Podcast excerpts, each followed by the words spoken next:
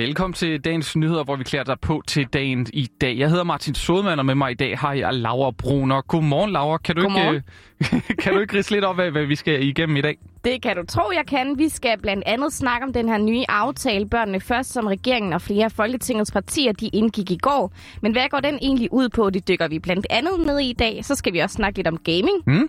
Ja, og så til sidst så skal det handle lidt om et uh, samråd, som justitsminister Nick Hækkerup han var i i går. Så der er altså nok at se på. Lad os da bare komme i gang.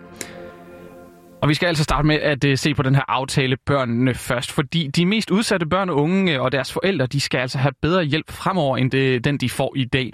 Det mener i hvert fald et uh, bredt flertal i Folketinget, som præsenterede aftalen her børnene først i går i Social- og uh, Ældreministeriet i København. Og alle partier, undtagen Nye Borgerlige, er med i aftalen, som uh, giver kommunerne mulighed for at beslutte, at uh, børn skal bortadopteres udenbart efter fødslen. Og de her børn, de skal altså straks efter fødslen hjem med deres adoptivfamilie, uden først at skulle anbringes hos en midlertidig plejefamilie. Og lad os lige høre, hvad Social- og Ældreminister Astrid Krav sagde om den her aftale. Med aftalen her, så øger vi øh, indsatserne især i forhold til de allermest udsatte familier. Altså de familier, hvor der er omsorgssvigt, øh, hvor der er et barn, der er anbragt, øh, hvor vi rykker tættere på familierne, sørger for, at der kommer en undersøgelse af alle de andre søskende, at der bliver fastsat også en forældrehandleplan, og at vi øger indsatserne. Og det forventer vi vil betyde forskellige øgede indsatser. Den rette indsats vil jo være forskellig. Det skal være en individuel vurdering øh, for det enkelte barn. Og det vil sige, at det vil betyde flere øh, forebyggende foranstaltninger, flere forældrestøtteindsatser, men også at flere børn vil blive anbragt, og flere børn vil blive anbragt tidligere. Ja, regeringen præsenterede tilbage i januar sit udspil til en øh, børnereform, og netop elementet med bortadoptioner, som besluttes inden fødslen, vagte ret stor debat dengang, og forslaget mødte altså også både kritik og opbakning. Ja, og det er da også noget, vi har hørt om før, er det ikke det? Jo, det må man sige, fordi statsminister Mette Frederiksen, hun øh, nævnte det her i sin nytårstale 1. januar 2020 ret klart, at regeringen ønskede flere tvangsfjernelser. Og på grund af coronakrisen, ja, så gik der jo i midlertid et øh, år inden regeringen fik udarbejdet sådan et øh, udspil til øh, børnereform. Der var jo lige lidt, øh, lidt andre ting at ja, se det, til, må, det må man man sige. øhm, men aftalen her, den sender altså fuld indfaset øh, 733,8 millioner om året til området her med udsatte børn og unge. Og fra i år og så frem til 2028, der bliver der sat forskellige millionbeløb af, som øh, fra næste år frem til øh, og frem altså bliver et øh, 60 beløb, og som topper med næsten øh, 820 millioner kroner, altså i 28. Og øh, ifølge Social- og Ældreministeren, så er der altså ikke sat tal på, hvor mange udsatte børn, der skal have et nyt hjem. Der er mig bekendt ikke nogen politiske partier på Christiansborg, der har ment, at det giver mening at have et måltal. Øh, det skal jo altid være en konkret og individuel vurdering øh, af det enkelte barns situation. Vores udfordring har været, at nogle af de allermest udsatte børn og familier i det her land, de har flået under radaren og ikke fået den hjælp, de har brug for, eller fået den for sent. Det sikrer vi nu et stort løft til, og det er jo et løft, ja, både af sagsbehandlere, som flere har valgt at fremhæve her, øh, men jo også af de forskellige indsatser. Og der kan, en forebyggelse, øh, der kan en anbringelse være den rigtige forebyggelse, men vi løfter også både indsatserne i familien, men jo også, som flere har fremhævet, familiehusene, så det er nu noget, der kan rulles ud i hele landet. Og på den måde øh, kommer der mere af det hele, øh, og vigtigst af alt for de allermest udsatte familier og børn. Ja, den her aftale den indeholder jo altså også en øh, barnets lov, som overordnet set skal give øh, børnene flere rettigheder. Og det indebærer altså blandt andet, at børn over 10 år får selvstændig partstatus og selv kan klage til Ankestyrelsen over en afgørelse om eksempelvis øh, anbringelse. Såkaldte familiehuse skal også udbredes over hele landet og så sørge for, at kommende forældre og sårbare småbørn, småbørnsforældre kan få bedre støtte og vejledning. Og Martin, nu skal vi snakke lidt om noget gaming. Er du en af dem, der, Ja. der godt kan lide jeg, at game? Jeg, jeg gamer en del. Og jeg, jeg har også været med i Gameboys her på kanalen. Så, Nå, okay. ja. Jamen, hvad, hvad spiller du? Øh, football Manager, League of Legends, øh, Last of Us, FIFA, alt muligt. Okay, du har allerede nævnt et par stykker, jeg ikke ved, hvad er. Altså, Ja. jeg vil sige, det, det vil have været noget tid siden, jeg har gamet. Altså, det var sådan noget pixeline og sådan noget dengang. Ja, Ja. Sims sikkert også. Sims har jeg Ja, også ja. været på. Jeg har faktisk også spillet GTA, da jeg var yngre, fordi min bror Okay. han spillede det meget. Ja, ja. Blev du aggressiv af det? Ja det skal jeg ikke stå og Nej. kommentere på. Men øh, computerspil og gaming er altså blandt danskernes foretrukne fritidsbeskæftigelser, og det gælder altså både for de unge, de ældre, mænd og kvinder. Altså det er os alle sammen faktisk, der gamer mm. lidt. Og øh, Martin, hvor gammel tror du, at den gennemsnitlige gamer er? Altså nu er jeg jo slut 20'erne. Jeg synes, jeg gamer lidt mindre, end jeg gjorde for bare en, en 10 år siden. Så det ved jeg ikke. Pff, 223? Ja, det er faktisk forkert, og Nå, nu skal vi også ja. huske, det er jo gennemsnitsalderen, det her, Ja, okay. men øh, den gennemsnitlige gamer i Danmark er faktisk 35 år. Okay. Ja, og faktisk så spiller hele 40 procent af alle danskere mindst én gang om ugen. Jeg synes, det er lidt vildt tal, faktisk. Men, Ja, men hvorfor fornuftigt. snakker vi overhovedet om det her? det gør vi, fordi i dag der åbner Danmarks Tekniske Museum udstillingen Gamer, og den sætter altså netop fokus på gaming og gamerne, og så giver den faktisk også øh, publikum mulighed for at prøve nogle af de tidligste spil af. Det fortæller Jakob Torek Jensen, der er museumsinspektør på Danmarks Tekniske Museum. Det er noget, der optager rigtig, rigtig mange mennesker i Danmark. Det er måske den mest udbredte fritidsbeskæftigelse i Danmark. Men på den anden side, så er der også rigtig, rigtig mange mennesker, som slet ikke er en del af det her. Som slet ikke ved, hvad er gaming? Hvad vil det sige øh, at, at sidde foran sin computer og være en del af de her online fællesskaber? Altså det er sådan en hel verden, man ikke øh, øh, har svært ved at, at relatere til. Så det er egentlig for at både at anerkende den her øh, gamingkultur, som er så udbredt i Danmark, øh, men også at prøve at, at, øhm, at, at formidle lidt omkring, eller fortælle lidt omkring, øh, hvad det her gaming det er for noget for, for nogle mennesker, som, som ikke rigtig ved noget om det.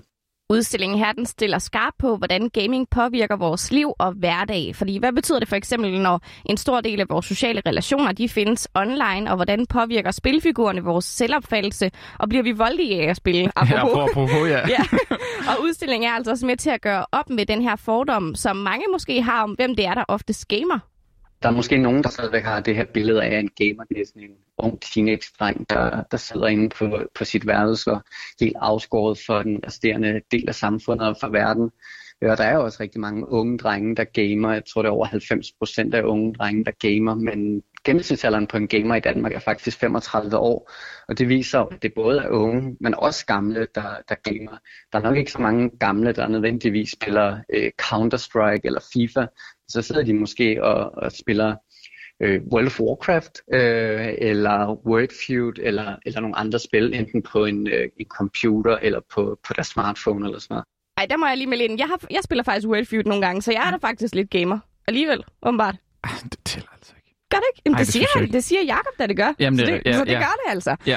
Øhm, men den her udstilling, den er i hvert fald lavet i samarbejde med elever øh, fra klassen for IT og entreprenørskab fra skolen FGU Øresund. Og elevernes perspektiver på gaming har altså været med til at åbne for temaerne i udstillingen.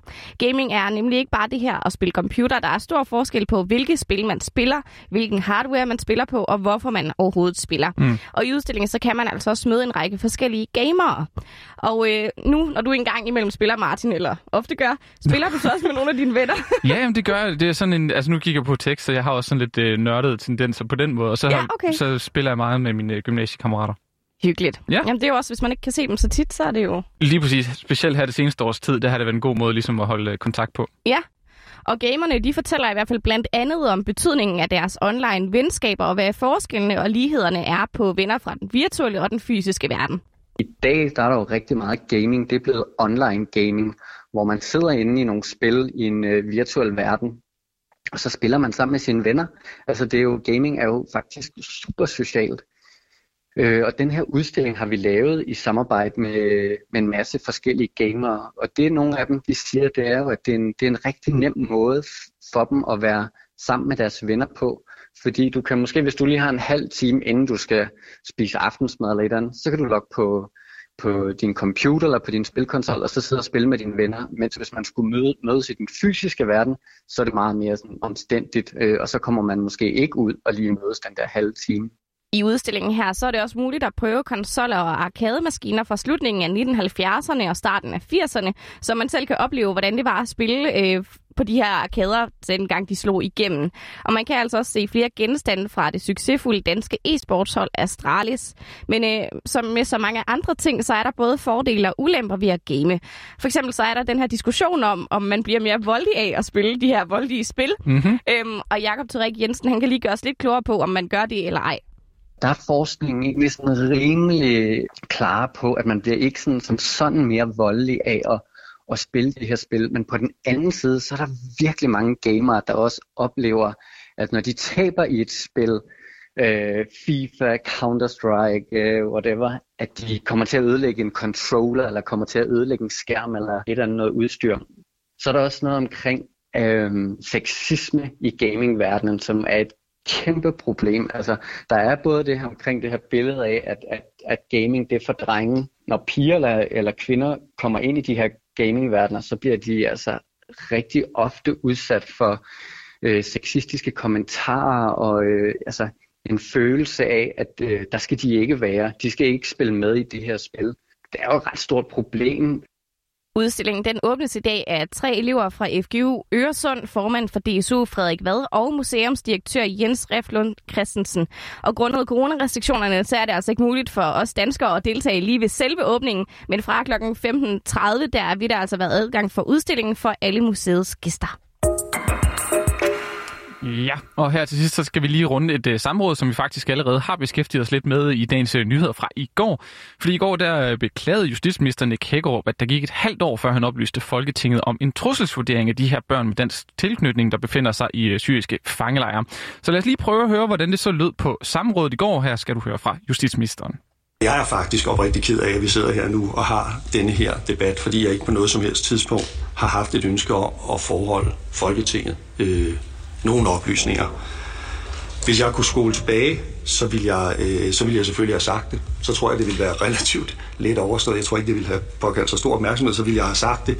Og det beklager jeg ikke gjort. Altså, øh, og det er vel i virkeligheden sagens kerne her, sådan som jeg ser det. Øh, med alt, hvad der er sagt og gjort. Ja. Ja, det blev ikke præsenteret for ham som en ny oplysning af embedsværket. Det var en del af et omfattende materiale, så han som ny minister skulle sætte sig ind i, uddyber han.